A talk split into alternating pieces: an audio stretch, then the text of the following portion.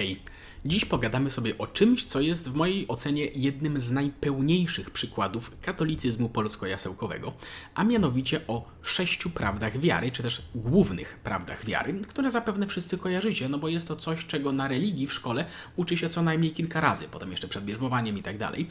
Jest to jedna z tych recytacji, na które jest położony moim zdaniem bardzo duży nacisk w katechezie w Polsce, tak? 10 przykazań, 6 prawd wiary, 5 przykazań kościelnych i tak dalej. To są takie rzeczy, których się uczymy wielokrotnie.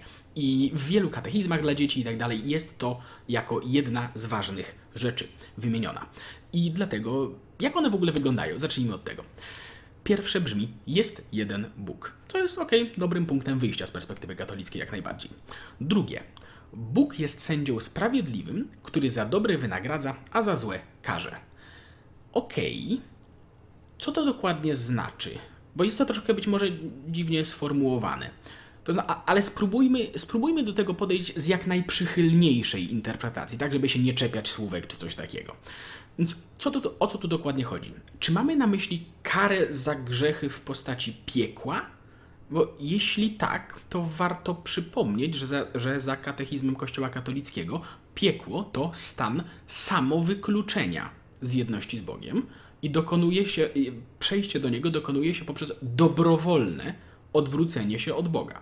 I ja rozumiem, że można mówić o karze piekła w tym sensie, jako, y, jako właśnie jako stan, do którego człowiek sam wchodzi, w ramach takiego bardzo dużego uproszczenia, że okay, nazywamy to karą, chociaż osoba sama tam, tam wchodzi. I okej, okay, jeżeli ktoś to robi w ramach uproszczenia czy tam metafory, rozumiem, ale zawieranie tego bez wyjaśnienia w czymś, czego dzieci się uczą na pamięć, może przecież dawać kompletnie niekatolicką perspektywę.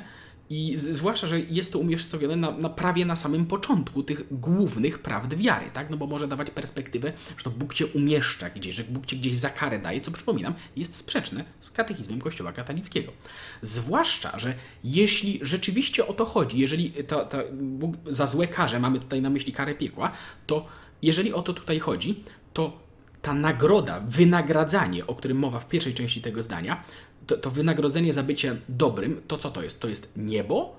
No to jest już kompletnie niekatolickie podejście przecież, prawda? W sensie nie można według katolicyzmu zasłużyć sobie na niebo dobry, dobrymi uczynkami. Do nieba się idzie nie dlatego, że jest się dobrym, czy że sobie zarobiło się na coś przecież, prawda?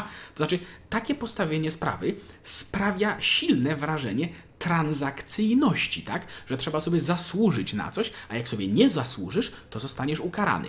Tutaj mogę zacytować taką bardzo ciekawą rzecz, którą znalazłem, a mianowicie świadectwo Tomasza Budzyńskiego, który opisywał, dlaczego odszedł z Kościoła katolickiego w swojej młodości.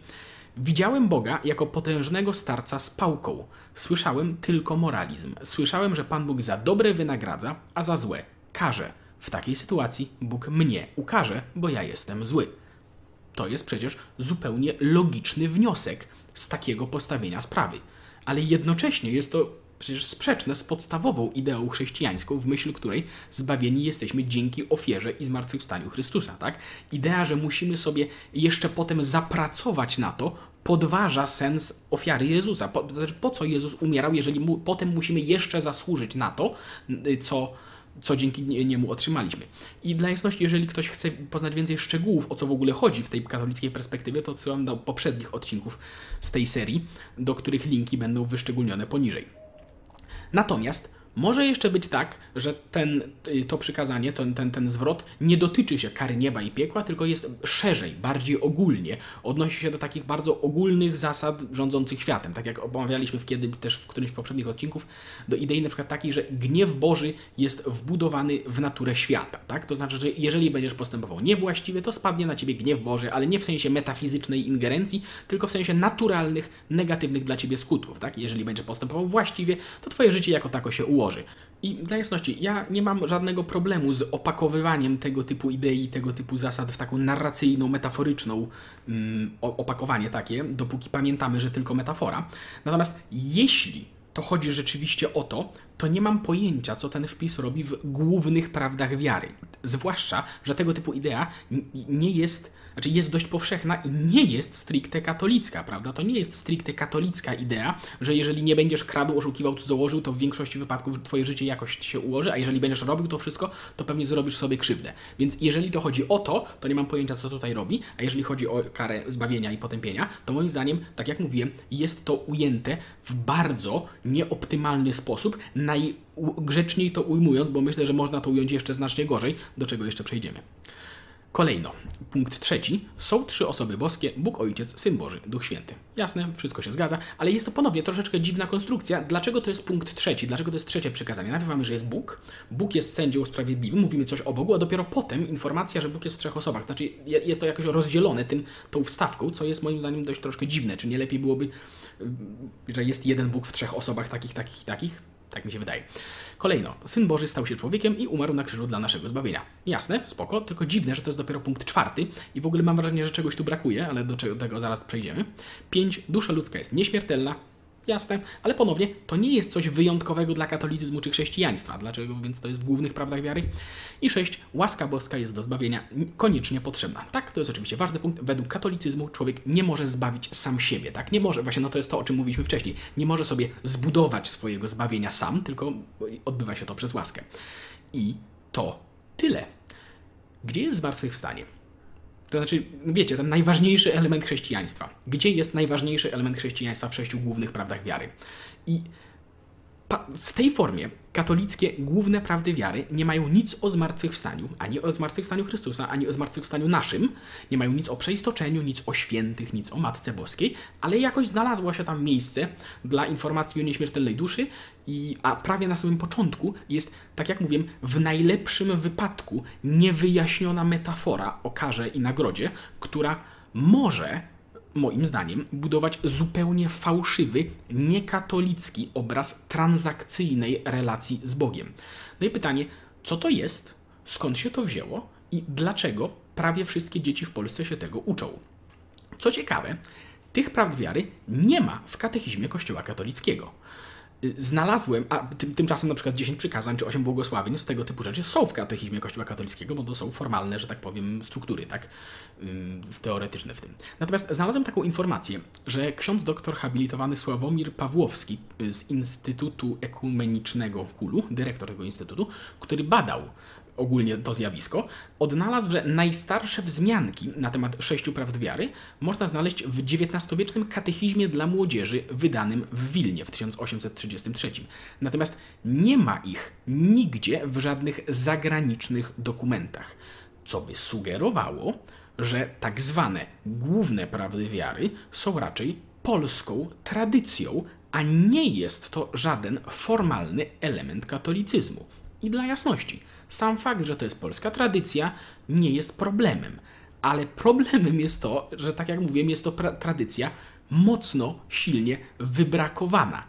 Co rodzi pytanie, dlaczego uczy się tego dzieci i dlaczego kładzie się bardzo duży nacisk, mam takie wrażenie przynajmniej, na tego typu rzeczy w katechezie właśnie dla dzieci. I dla jasności, to nie jest tak, że ja teraz sobie to wymyśliłem i się tego czepiam, a nikt inny wcześniej tego nie podnosił. Przykład, na przykład yy, ksiądz biskup Antoni Długosz w jednym z wywiadów, do którego link będzie w opisie, wprost mówił, że nie powinno się uczyć tego na katechezie, że to nie, nie powinno mieć miejsca właśnie dlatego, że to wypacza pewien obraz.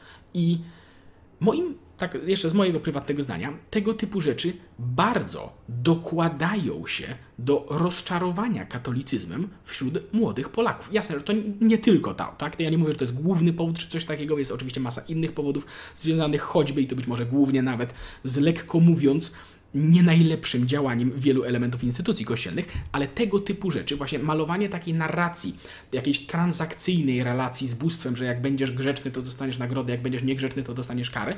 Y, tego typu rzeczy, gdy się zderzają z rzeczywistością, odstraszają ludzi, moim zdaniem, od kościoła i to świadectwo wspomniane Budzyńskiego jest moim zdaniem bardzo, bardzo dobrze bardzo dobrze oddaje tutaj problem, ponieważ to maluje obraz. Logicznym wnioskiem jest tego, no okej, okay, skoro ja jestem niewystarczający, skoro ja tutaj nie, nie wychodzi mi to wszystko tak wszystko świetnie, to powinienem oczekiwać, oczekiwać kary, a nie nagrody. I kto by chciał, że tak powiem, żyć w takiej wizji, to jest jedna kwestia, a druga kwestia, tak jak mówiłem i tak jak jeszcze raz odsyłam do linków, które będą pod spodem, to jest wizja niekatolicka. Nie o to chodzi w katolicyzmie. Natomiast to, a to jest ważne, ponieważ wydaje mi się, że tego typu rzeczy właśnie ludzie pamiętają ze szkoły, tak? To zostaje w ludziach, ponieważ jest to ludziom kładzione do głowy wielokrotnie.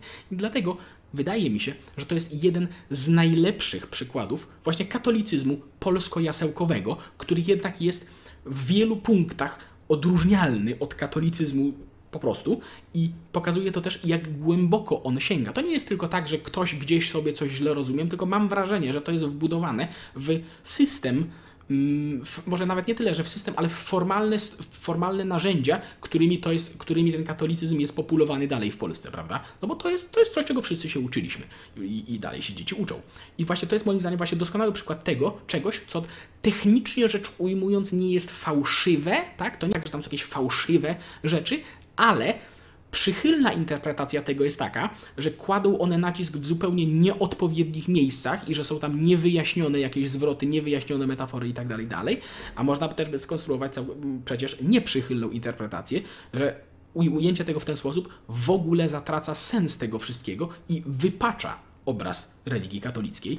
I wydaje mi się, że warto po prostu wiedzieć tego typu rzeczy i pamiętać o tym, zwłaszcza jeżeli ktoś jest religijny i bierze to wszystko bardzo na poważnie.